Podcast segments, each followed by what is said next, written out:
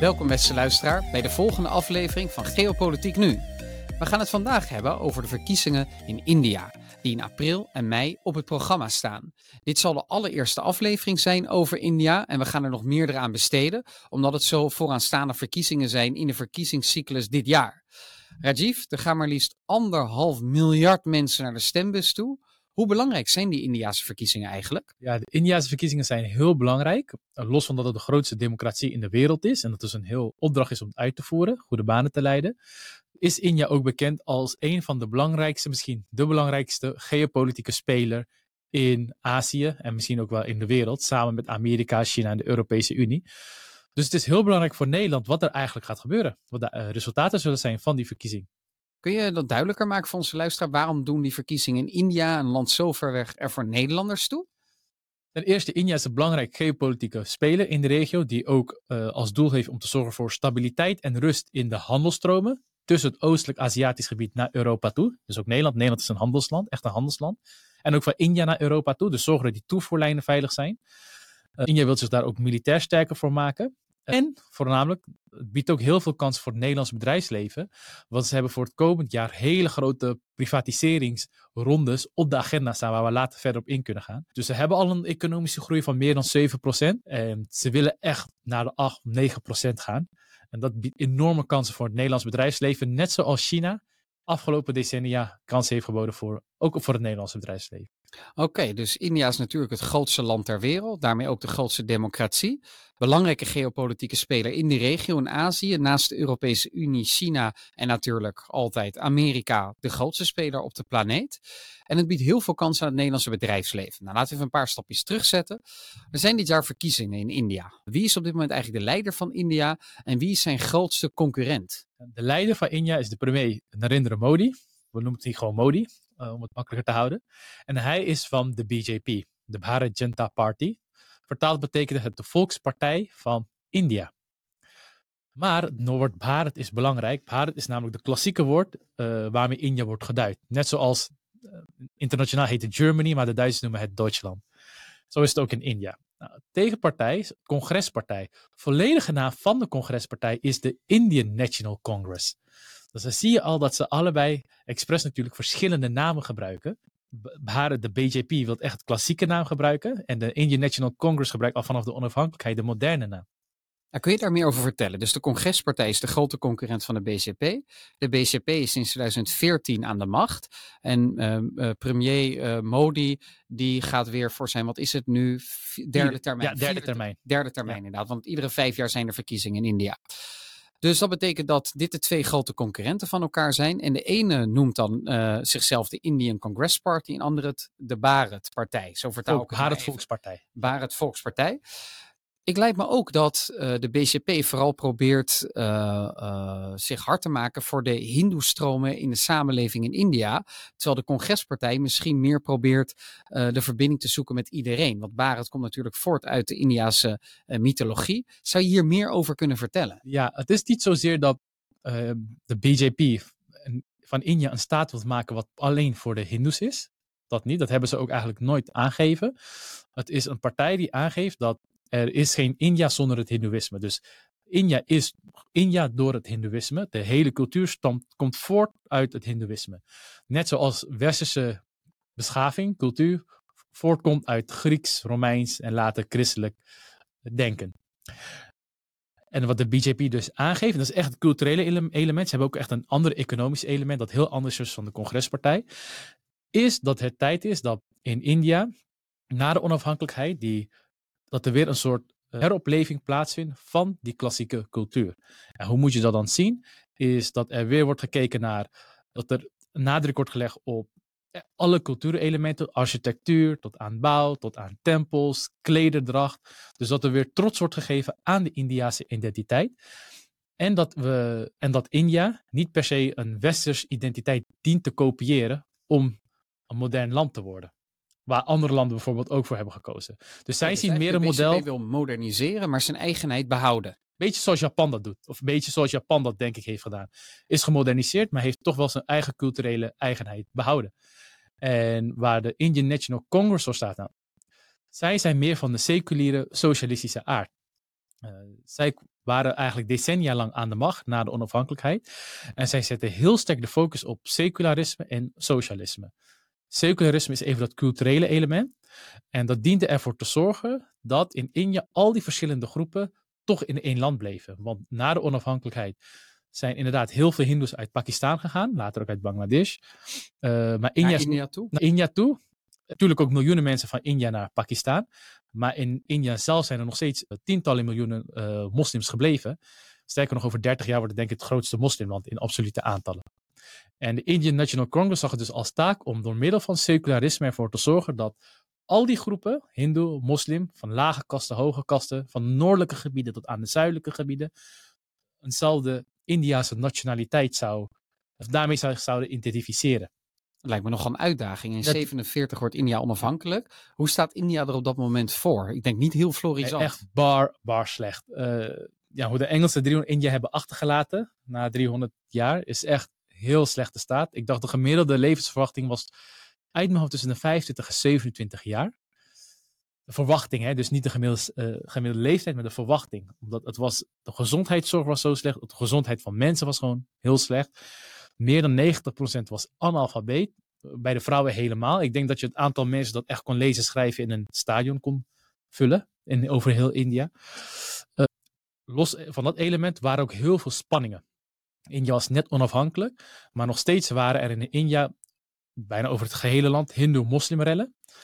Beetje met het idee, ja, wij zijn allemaal uit Pakistan vertrokken. Is, ja, gaan jullie niet terug? Uh, ook het idee dat de moslims zelfs wilden ook andere rechten in India zelf. Dus nog meer verdere secularisatie. Je had ook enorme spanningen en rellen tussen noordelijke staten en zuidelijke staten. Uh, en het grootste gevaar was ook het communisme. Na, na 19, rond de jaren 50, 60 is de Koude Oorlog. En dan zie je ook dat communisten enorm veel aanslagen plegen. Ook door heel India door. Uh, dus het was echt een taak om India toch één land te houden en een democratie. En dat is, ja, dat is met enorme... De congrespartij heeft daar een grote rol in gespeeld, gaf jij aan. Ja. Zij waren namelijk voor een seculiere politiek.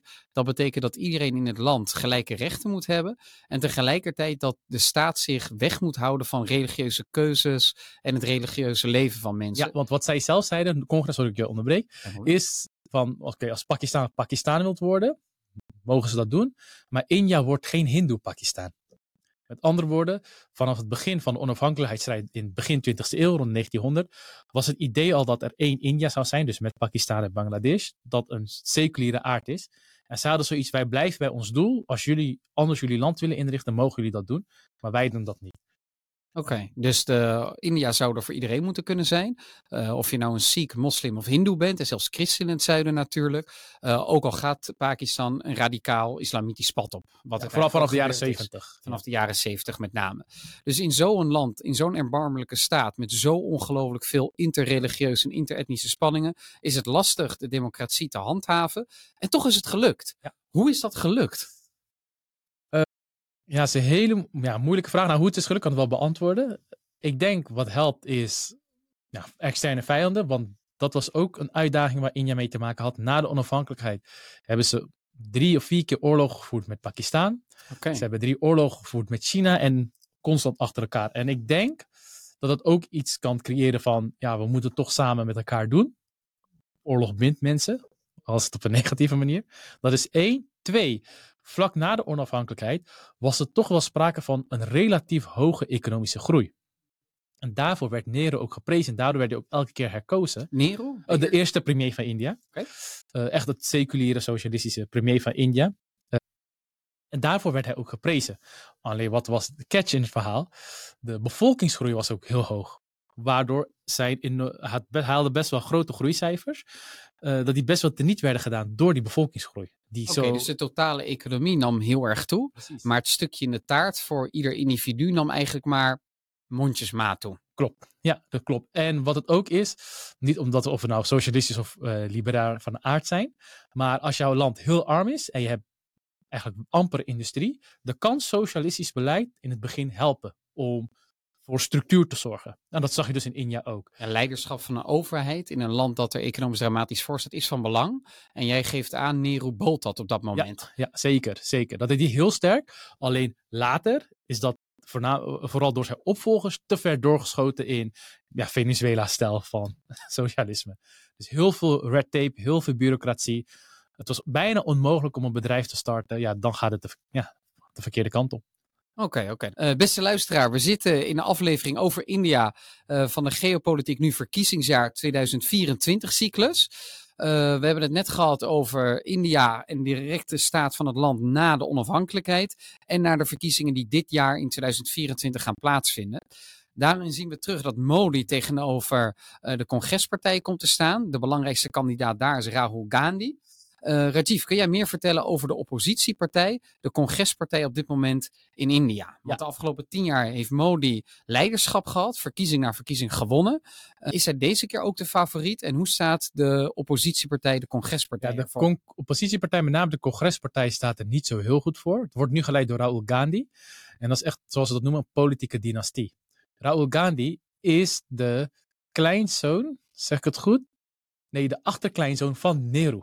Dus je had Nehru, zijn dochter was Indira Gandhi. Ze heette Indira Nehru, maar was getrouwd met een Gandhi. En dan heb Overigens je... niet familie van Mahatma Gandhi. Niet de familie, het is een beetje een heel veel uh, gebruikte naam in India. En dan had je haar zoon, was weer ook de premier van India, Rajiv Gandhi. En zijn zoon is nu Rahul Gandhi. Dus het is een politieke dynastie. En je ziet dat de dynastie eigenlijk, of het macht is gebroken vanaf Rahul Gandhi. En met name vanaf 2014 gaat het best wel bergafwaarts met de oppositie. In de zin dat ze veel leden kwijtraken. Ze verliezen steeds meer uh, vertrouwen van de kiezers. Zodanig zelfs dat ze nu in een alliantie zitten met bijna alle oppositiepartijen. En dan maakt ideologie niet eens aan toe. Ze, werken, ze geven aan dat ze zelf sociaal-democratisch van aard zijn, seculier sociaal-democratisch. Maar ze werken samen met communisten tot aan radicaal-islamitische partijen. En dat heeft te maken met het kies stelsel in India. Oké, vertel daar eens meer over, over het kiesstelsel in India. Wat het is, in India is natuurlijk of je nou in Groningen woont, of in Limburg of Zeeland.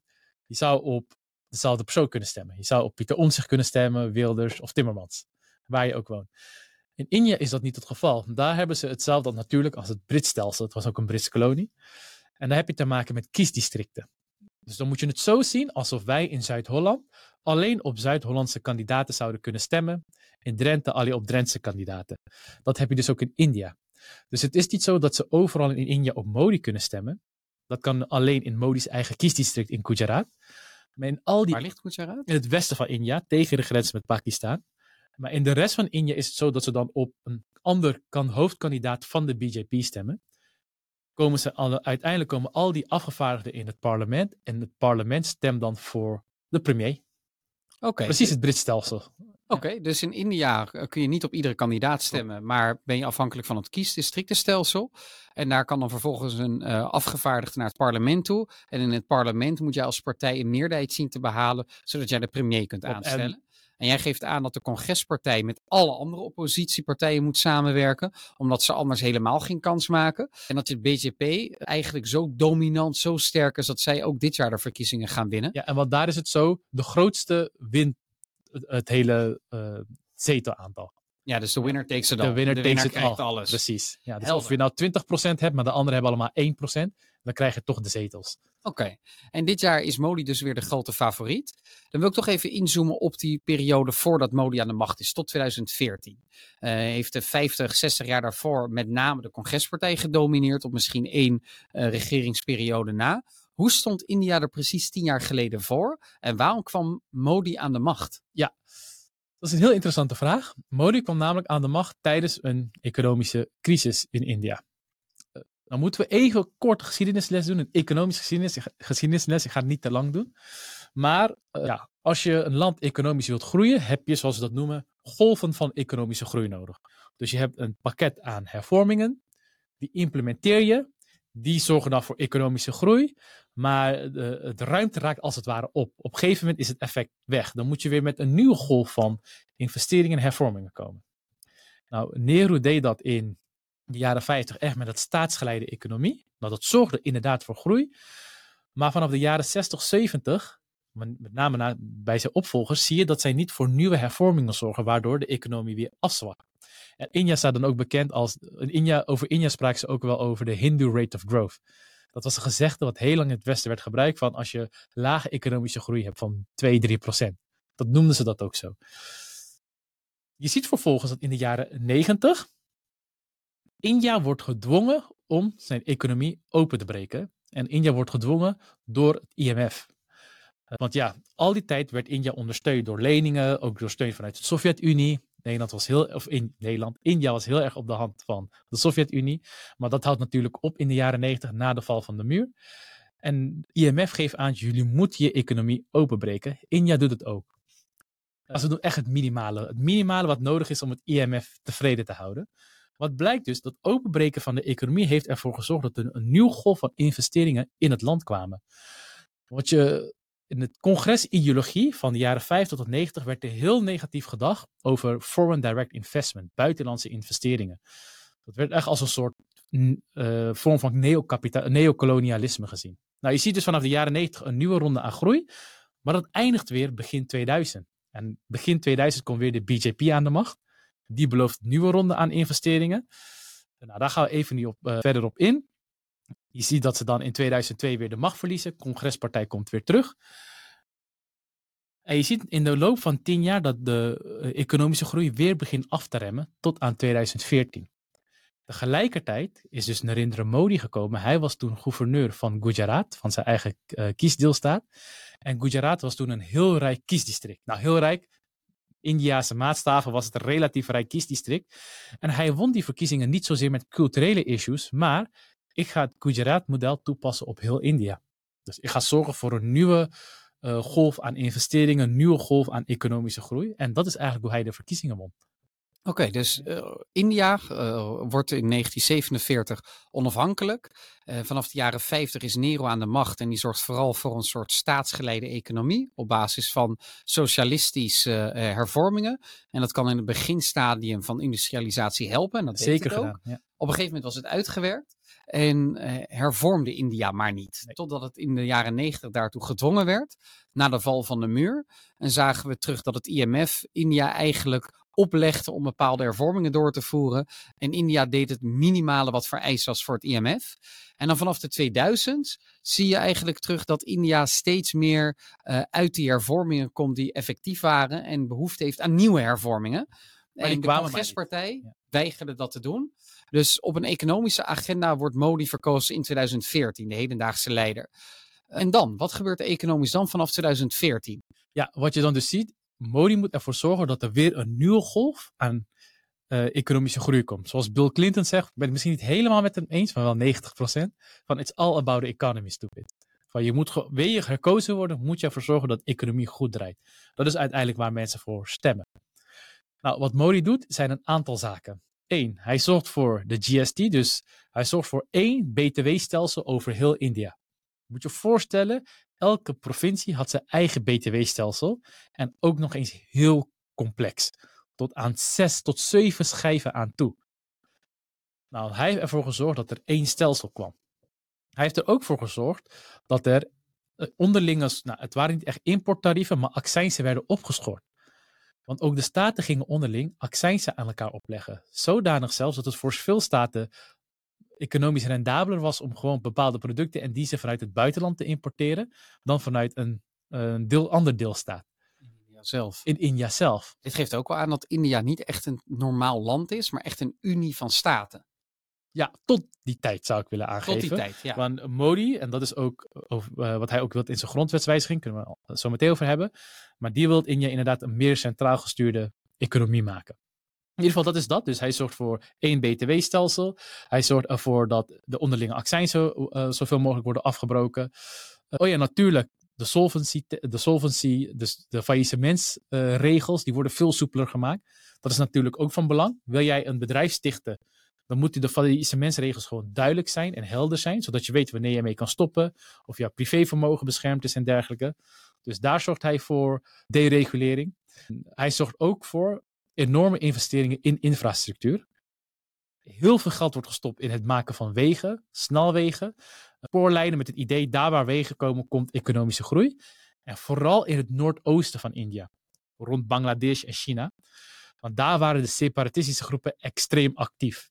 En zou het zo doorgaan als toen, dan zie ik het, zie ik het zelf gebeuren dat de regio op, na verloop van tijd ja, onafhankelijk zou worden. Dus Modi uh, investeerde heel veel in het Noord-East, zoals ze dat noemen, maar ook in de rest van India. En als laatst, en daar is hij nog steeds mee bezig, zorgde hij voor specifiek of sectorspecifieke uh, regulering, deregulering. Dus je gaat naar een sector toe, ik noem maar wat de agrarische sector of de energiesector. En je gaat kijken, wat voor regels hebben jullie nodig en wat voor specifieke investeringen hebben jullie nodig, zodat jullie de ruimte hebben om te investeren en te innoveren. En de ene sector moet je dan een knopje naar links draaien, de andere sector naar rechts draaien. En zo heeft hij eigenlijk vanaf 2014 tot nu gezorgd voor enorme economische groei, tot wel 7 plus procent per jaar. Maar vele analisten zeggen dat dit dan nog vijf jaar kan volhouden, omdat er weer een nieuwe ronde aan nieuwe hervormingen nodig is om voor een nieuwe economische groeigolf te zorgen. Oké, dus India vanaf 2014 uh, staat eigenlijk aan de vooravond van een groot economisch hervormingspakket. Uh, dat gaat over BTW, over het afschaffen van onderlinge accijnsen uh, en ook infrastructuur die behoorlijk wordt uitgebreid om het land meer in verbinding met elkaar te brengen. En dat zorgt uiteindelijk voor economische groei. Toch zou je kunnen stellen dat de werkloosheid onder jongeren behoorlijk groot is en nog veel jongeren wegtrekken uit India. Vooral veel heel hoogopgeleide jongeren die naar Silicon Valley gaan, naar Europa gaan om de ICT te werken. Als zij teruggaan, kan het India versterken. Maar blijven zij in het buitenland, kan het natuurlijk ook een brain drain zijn. Heb je het idee dat de groei in India voldoende is om tegemoet te komen aan de belofte van India om een, de grootste of een van de grootste geopolitieke spelers op de wereld te worden en gehoor te geven aan de enorme toename van de bevolking? Nee, nu niet. En dat is ook iets wat denk ik de BJP zelf ook inziet. Vandaar hun nieuwe speerpunten die zij willen doen voor de komende jaren. Daar komen we zo wel verder op terug. Maar inderdaad, ze moeten zorgen voor meer economische groei. Want inderdaad, heel veel jongeren, met name de wat hogere opgeleide, trekken weg. Dat is gewoon zo. Die zijn teleurgesteld. Die, nou, teleurgesteld. Ze zijn blij dat India heel anders uh, voor staat dan tien jaar geleden. En dat merk je ook gewoon. Dat merk je ook in de peilingen. Maar oké, dat is wel leuk en aardig. Maar je wilt zelf natuurlijk ook een baan. En met name de hogere opgeleiden, die snak, uh, snakken echt naar banen. En dat is wel iets waarin je echt naar moet kijken.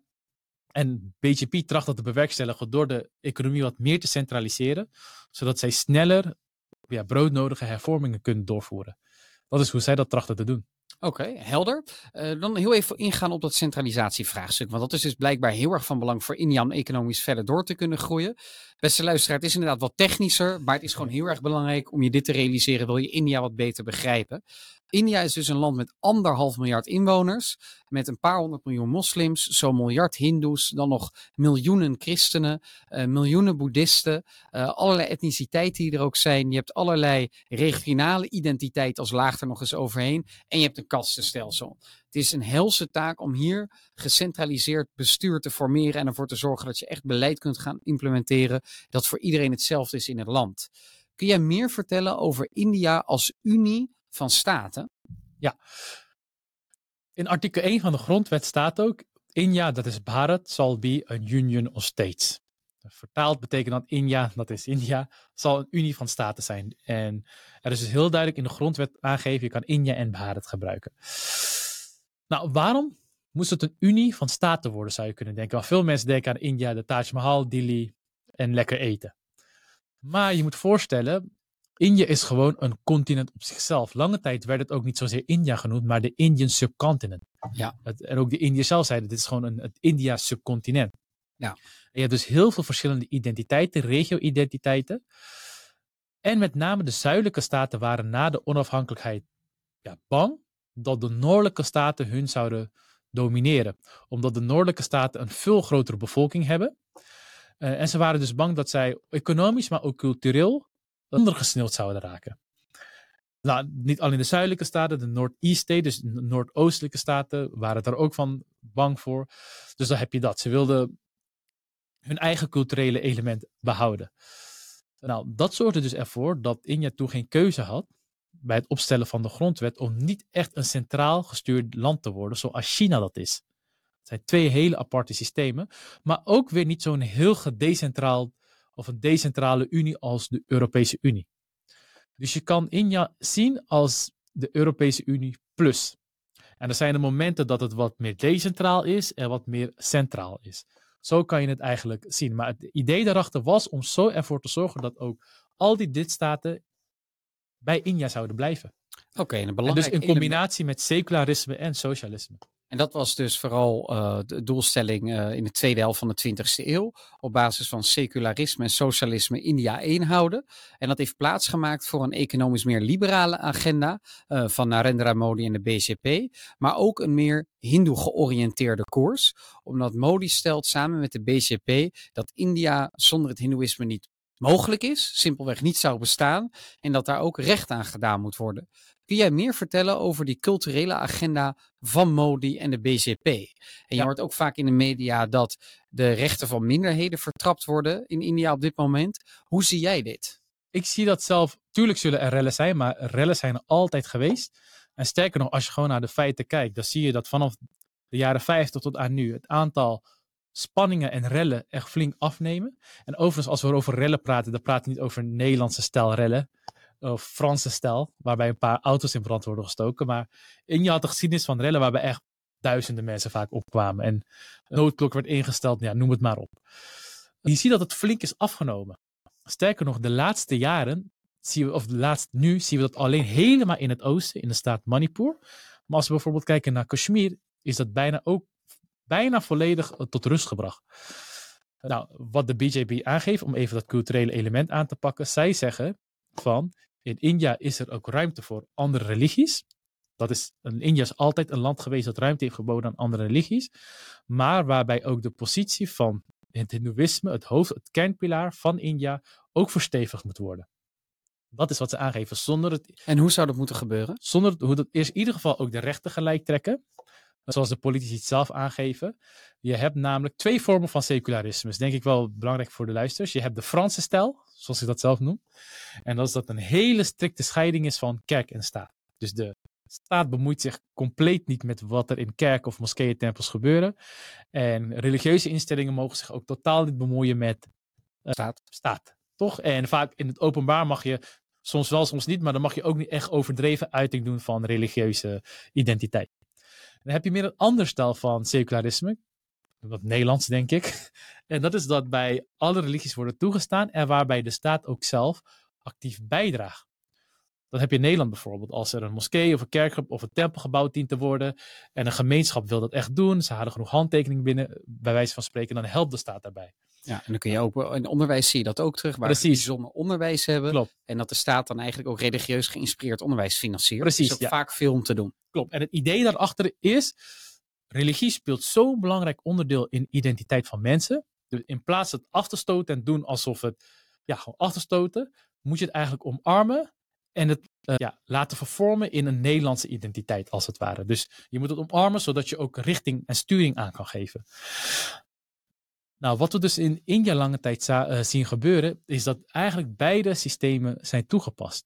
En dat is dus iets wat de BJP op cultureel thema aangeeft. We willen dat gelijk trekken. Bijvoorbeeld in India, Hajj-reizen naar Mekka worden gefinancierd vanuit de staat. Eh, tempels of eh, moskeeën worden gesubsidieerd door de overheid. Heel, de moskeeën hebben hun eigen bestuur, de Wak- Wakf-board noemen ze dat, de WAQF-board.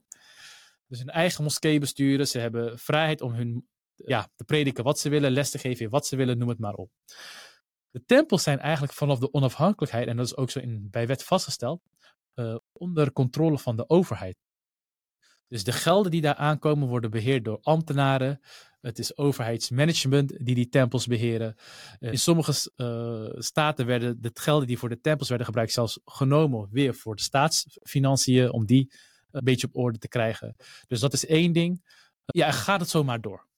Dus heel veel eh, hindoes, met name de wat hoger opgeleidere hindoes, want ik denk zelf bij je arm, dan doet het denk ik er niet zo toe. Je wilt gewoon een welvarend leven hebben.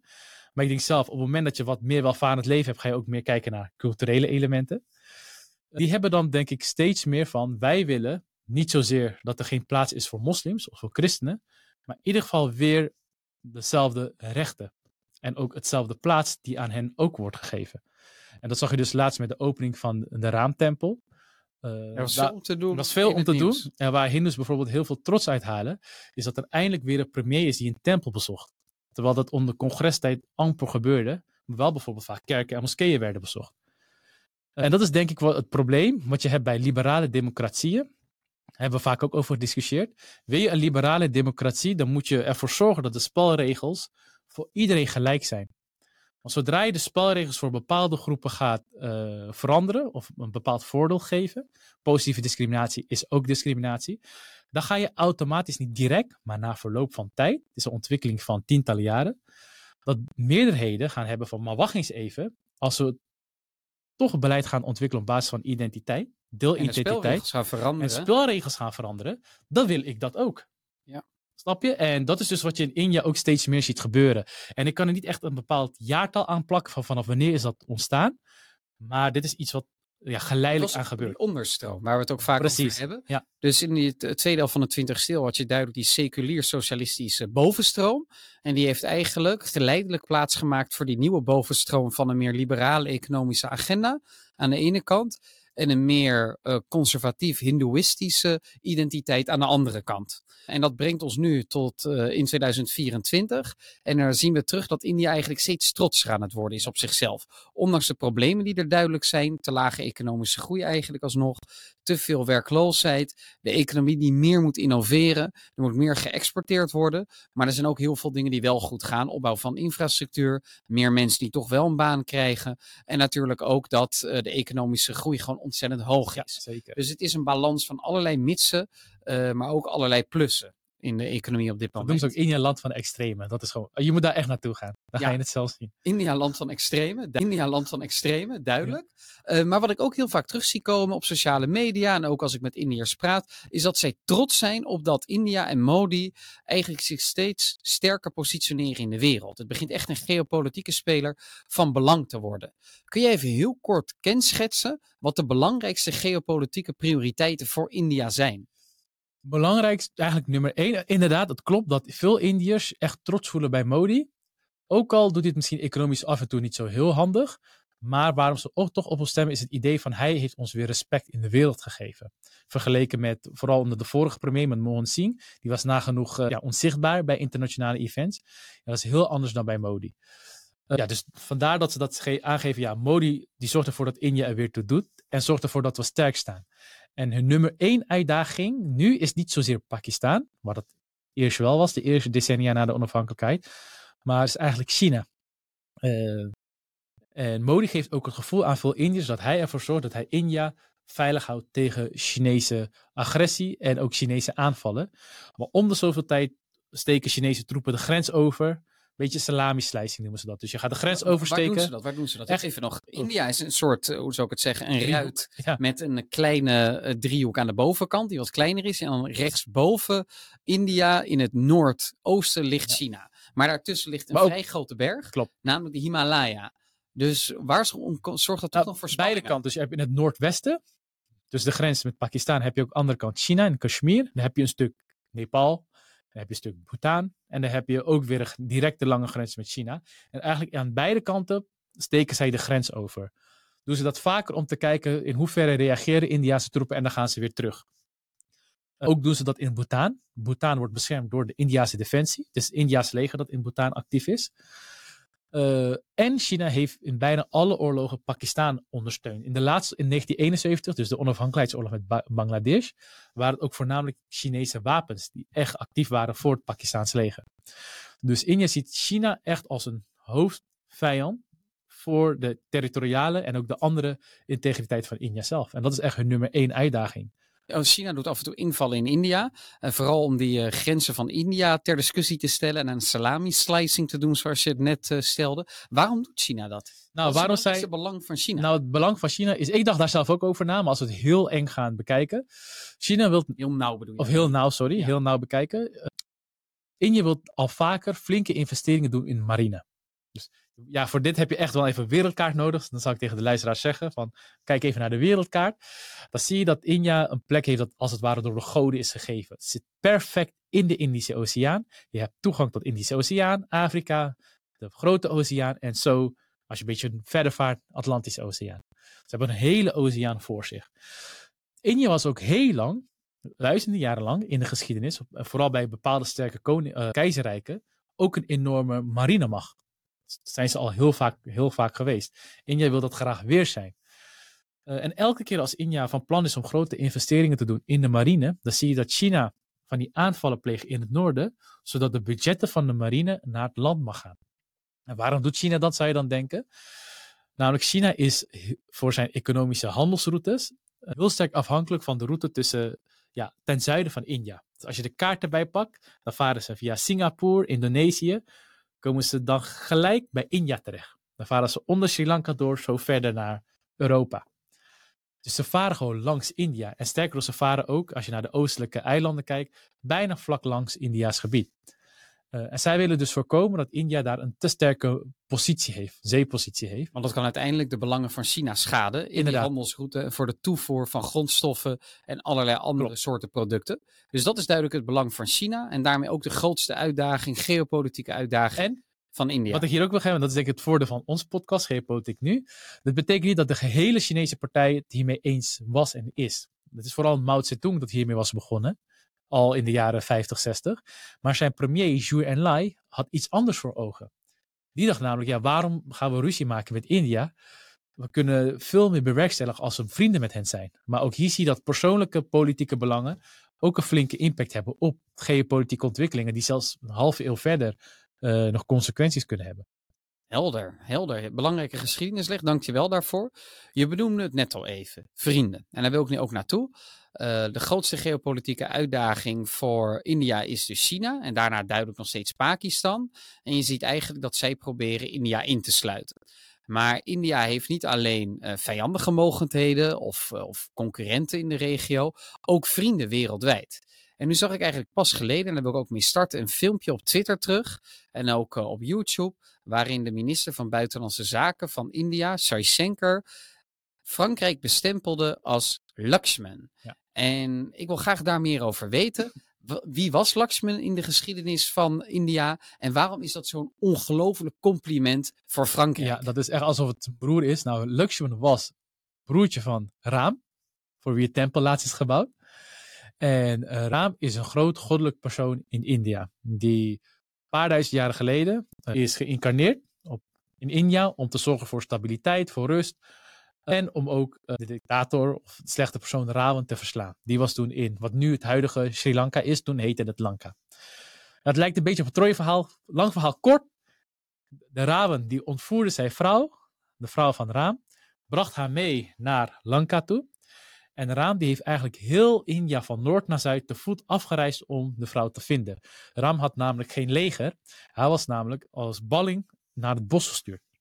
Hij is zelf wel een prins, hij was ook de kroonprins.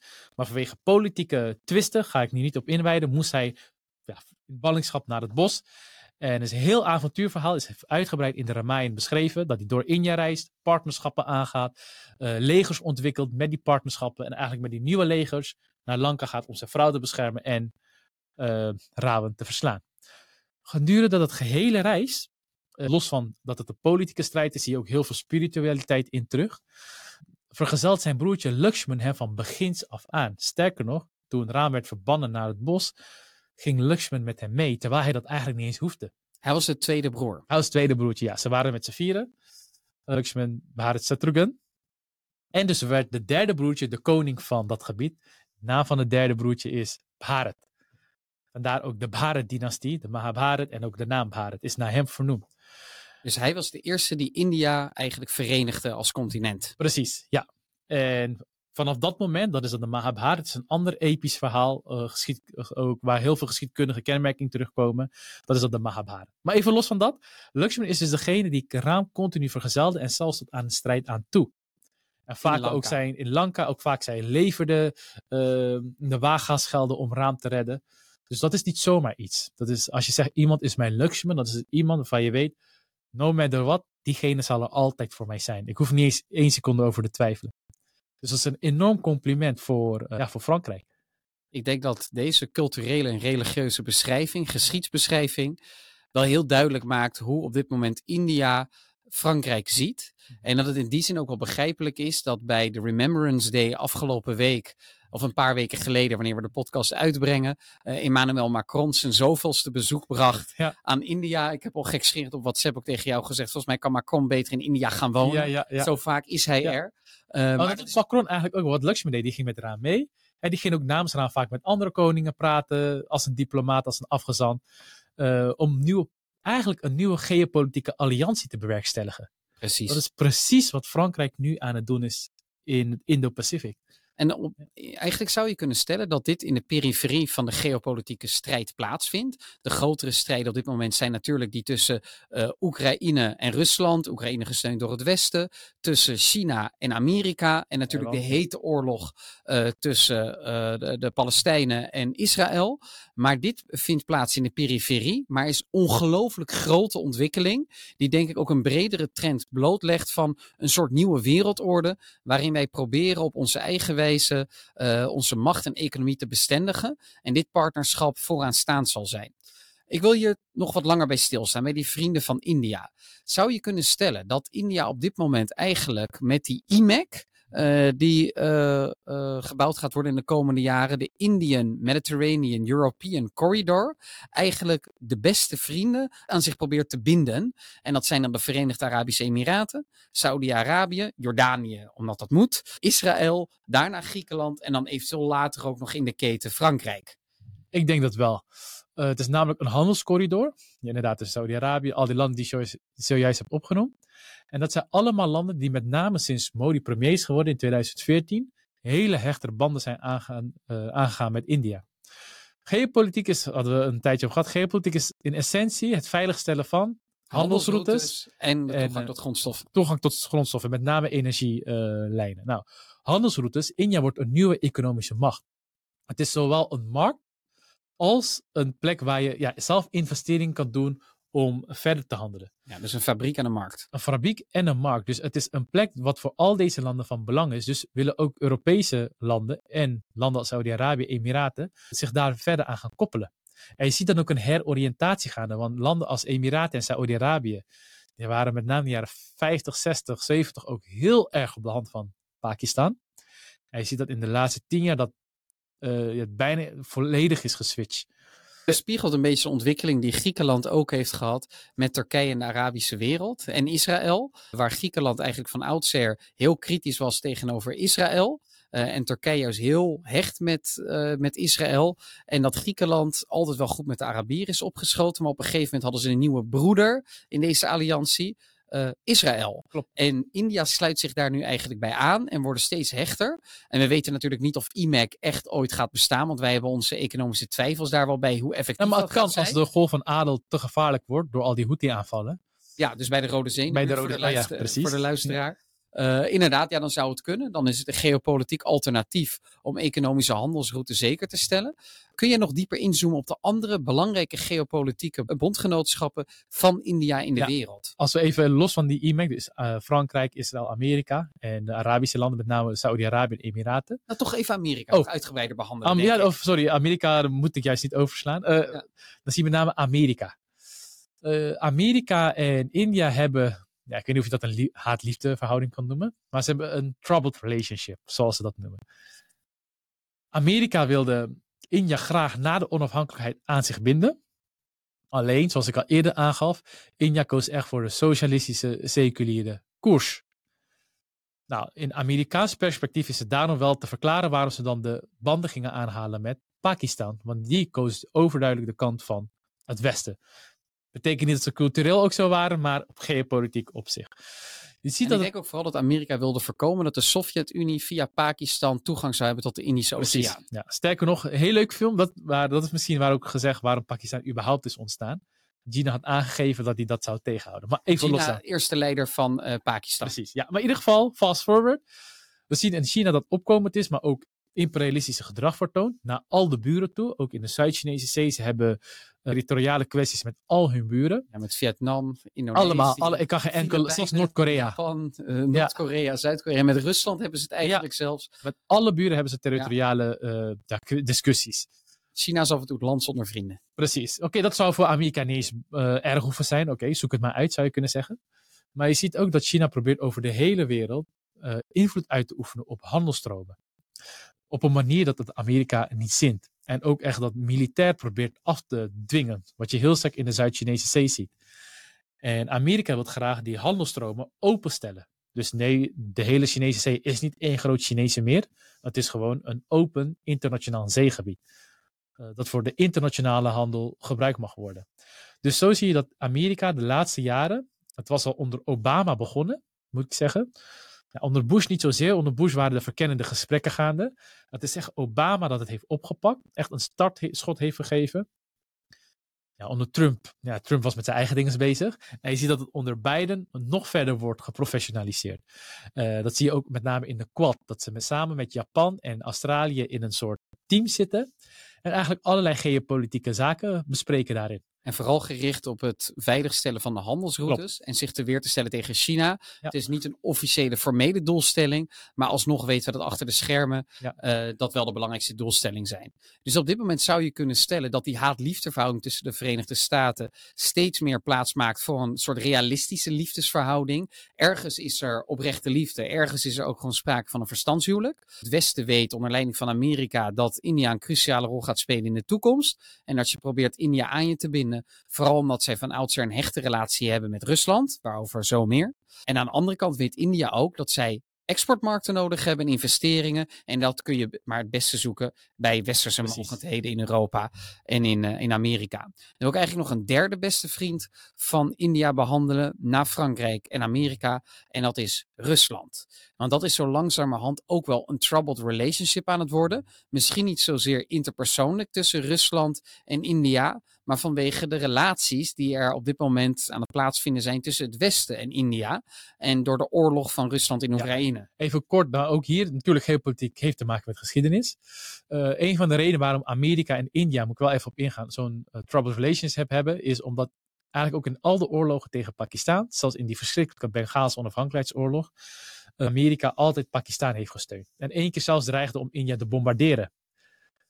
Het was toen, in die, oorlog van 1971, toen India Bangladesh binnenviel omdat daar een genocide gaande was.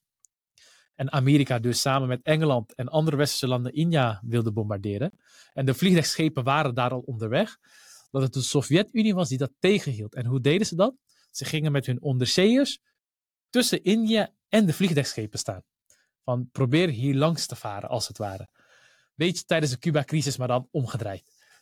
Nou, dat heeft India eigenlijk onthouden. Dat er in de moeilijkste momenten, en dat zeggen ze nog steeds, Jay Shankar zei dat enkele maanden geleden nog steeds, dat Rusland, ondanks hun problemen, ze hebben aangetoond dat in de moeilijkste momenten, toen er echt op aankwam op het overleven van India, heeft Rusland altijd India geholpen.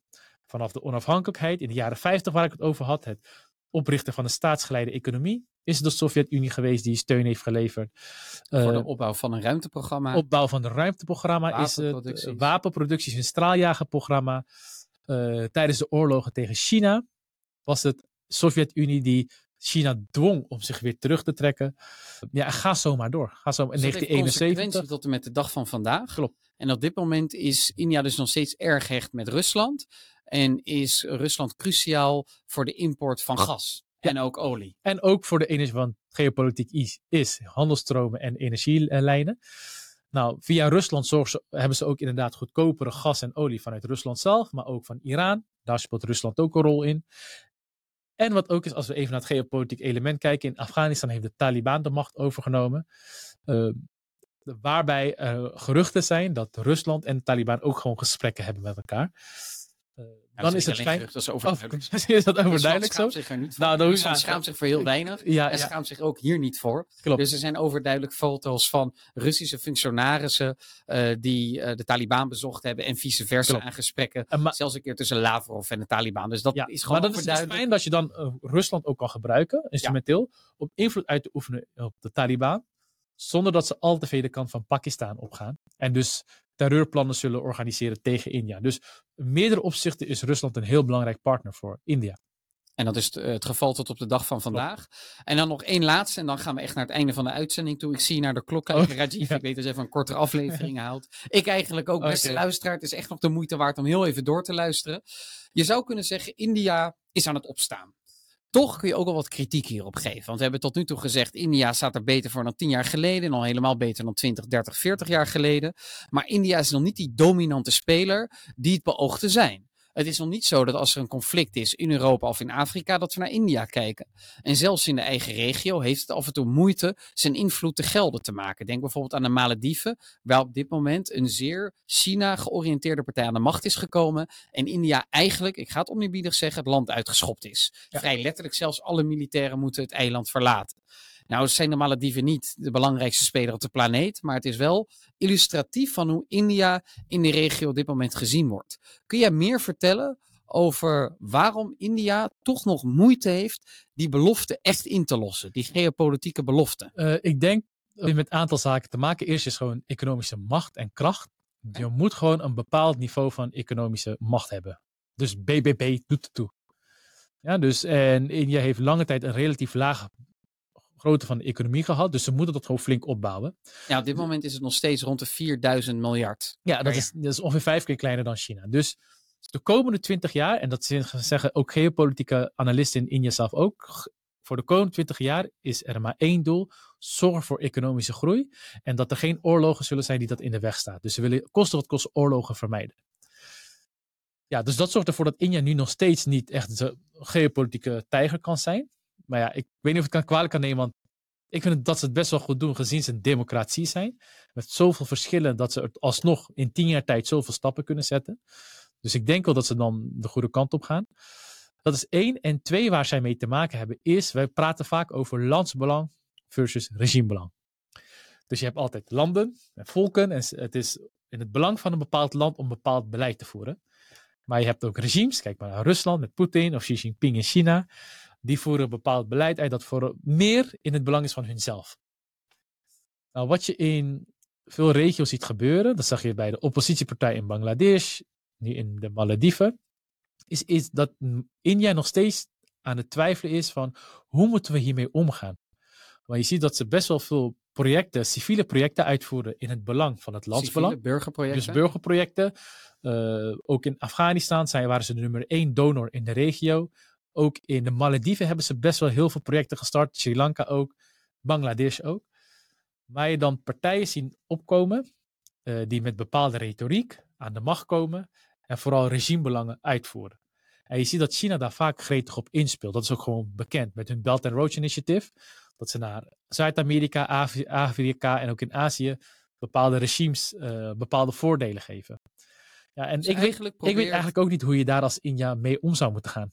Uh, Oké, ik, ik, denk dat, dat India dus eigenlijk een soort worsteling heeft met zichzelf. Wij willen niet aan machtspolitiek doen in de regio per se. Mhm. Wij willen vooral ervoor zorgen dat we economisch de banden aanknopen, want dat is in ons belang. We willen oorlog zoveel mogelijk voorkomen. Wij willen zoveel mogelijk vrienden hebben. Uh, maar dat het daardoor wel zijn invloed verliest wanneer andere regimes de banden met China aanhalen. En dat is dus gebeurd in landen als Sri Lanka en de Malediven. Dus dat stelt het voor een grote uitdaging. En ook in de Malediven zie ik nu weer gebeuren dat ze binnen de kortste keren weer een economische crisis krijgen. Net als Sri Lanka. Net als Sri Lanka. Uh, want ja, eh, banden aanhalen met China is zelden een recepteur voor economische vooruitgang eigenlijk. Alleen het Westen komt er tot nu toe goed vanaf. Dan ga ik toch nog op één ding door. Weer de maar op de maar. Dus eh, economisch staat India op, maar het is nog niet zo ver. Uh, en er moet nog wat stappen zetten. En dan de maar daar weer op van nee, je ziet toch ook weer wel potentie ontstaan. Namelijk dat India zich best wel meer mengt in een zee verder van huis. Namelijk de Middellandse Zee. En daar zou ik zelf wel wat meer over willen zeggen inderdaad. Dat uh, je eigenlijk ziet dat landen als Israël Griekenland en zelfs af en toe Egypte India actief uitnodigen om actief te zijn in de Middellandse Zee. Met het idee, we gaan nu alvast banden aanknopen met het oog op de toekomst. India is nog niet die grote geopolitieke grootmacht, maar dat kan het in de toekomst wel worden. En dan wil je nu alvast de zaadjes planten uh, om ervoor te zorgen dat het uiteindelijk in de toekomst zich uitbetaalt. Dus dat geeft denk ik wel aan dat veel landen in de wereld India anders zijn gaan beschouwen. Uh, vooral in de Middellandse Zee. Ook wel breed in Europa zie je dat terug. In Zuidoost-Azië gaan we nog eens een aparte podcast aan wijden. Beste luisteraar, dat brengt ons bij het einde van de podcast. Dit was de allereerste aflevering in de verkiezingsjaar 2024 Geopolitiek Nu cyclus, waarin wij het gehad hebben over India. We hebben het gehad over de grote geopolitieke uitdagingen en de interne politieke situatie, waar Modi het zal opnemen tegen Rahul Gandhi in de verkiezingen in april en mei. Uh, de kans dat Modi gaat winnen is heel, heel erg groot. De enige echte vraag is: gaat hij met een gewone meerderheid winnen? Of met een tweederde meerderheid waarmee hij ook de grondwet kan, uh, grondwet Met name kan om te wijzigen. centraliseren. Met name om Ja. te centraliseren is dat enorm van belang. En dat zal hij dan doen op een economisch-liberale agenda. En ook tegelijkertijd met een soort cultureel, hindoeïstisch conservatisme. Dat brengt ons aan het einde. Rajiv, hartelijk dank. En beste luisteraar, wij hopen dat jullie weer afscheid hebben kunnen nemen van jullie ongeïnformeerde zelf.